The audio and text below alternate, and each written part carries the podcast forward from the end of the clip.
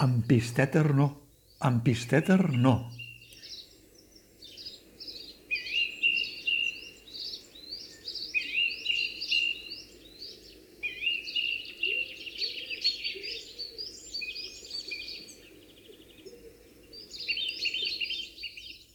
Una faula, una comèdia, un cabaret, un divertimento i molt més. Tot això és els ocells. En resum, una troballa que no ha de passar desapercebuda i estic segur que no hi passarà. Pronunciar la calòrica ara ja vol dir que darrere s'hi cou una nova proposta interessant. Ja són 10 anys de trajectòria, que en teatre són com si fossin un segle. L'editor búlgaro, La nau dels bojos i, entre altres, sobretot Farfly. Aquesta en públic amanta i premis a dojo. Però els ocells és tot una altra cosa. Diria encara més, és la revàlida definitiva i la consolidació absoluta d'una companyia que ha nascut de la necessitat de joventut de fer-se un paper en el sector teatral català i se n'ha sortit picant pedra. Els ocells és una obra d'Aristòfanes estrenada al 414 abans de Crist. Ha plogut molt des d'aleshores, però la terra continua eixugant-se després de la pluja i la calòrica l'ha remoguda, l'ha aixorcolada, l'ha adobada i l'ha treballat a fons reescrivint la història d'aquesta parella de tenencs, Pisteter i Abèlpides, que aquí s'han convertit en una parella d'avui mateix, representants de la classe oportunista, adinerada i escaladora sense escrúpols que fugen del fracàs i el frau a la recerca d'un nou món, tot i que acabaran ensopegant amb la mateixa pedra. A l'obra antiga original, Pisteter, un atenenc de mitjana edat, convenç amb el seu discurs enfervorit al món dels ocells per crear una nova ciutat al cel – i d'aquesta manera obté el control de totes les comunicacions entre els humans i els déus.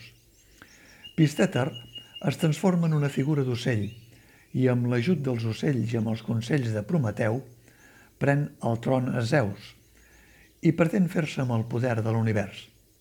Anava fort Aristòfanes, però la calòrica encara hi va més.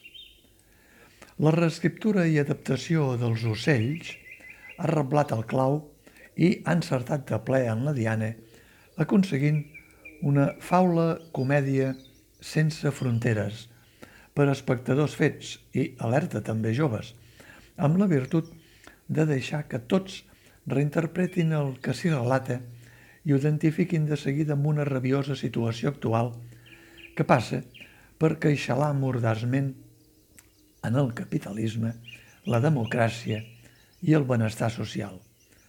És allò de dir tot el que es vol dir i que es vol denunciar, com si no es digués ni es denunciés, i al damunt si fes seriosament una broma. Només quatre intèrprets hi fan una quinzena de personatges, entre humans i ocells, i tots i cadascun d'ells tenen un perfil extraordinari la parella inicial de tenencs, fusell al coll ella, la puput, el flamenc, el gall i tota mena d'aus. L'auditori acaba formant indirectament part subtil del joc. La família obrera de primera generació immigrada i de segona generació integrada a la política i la precària feina d'emprenedor.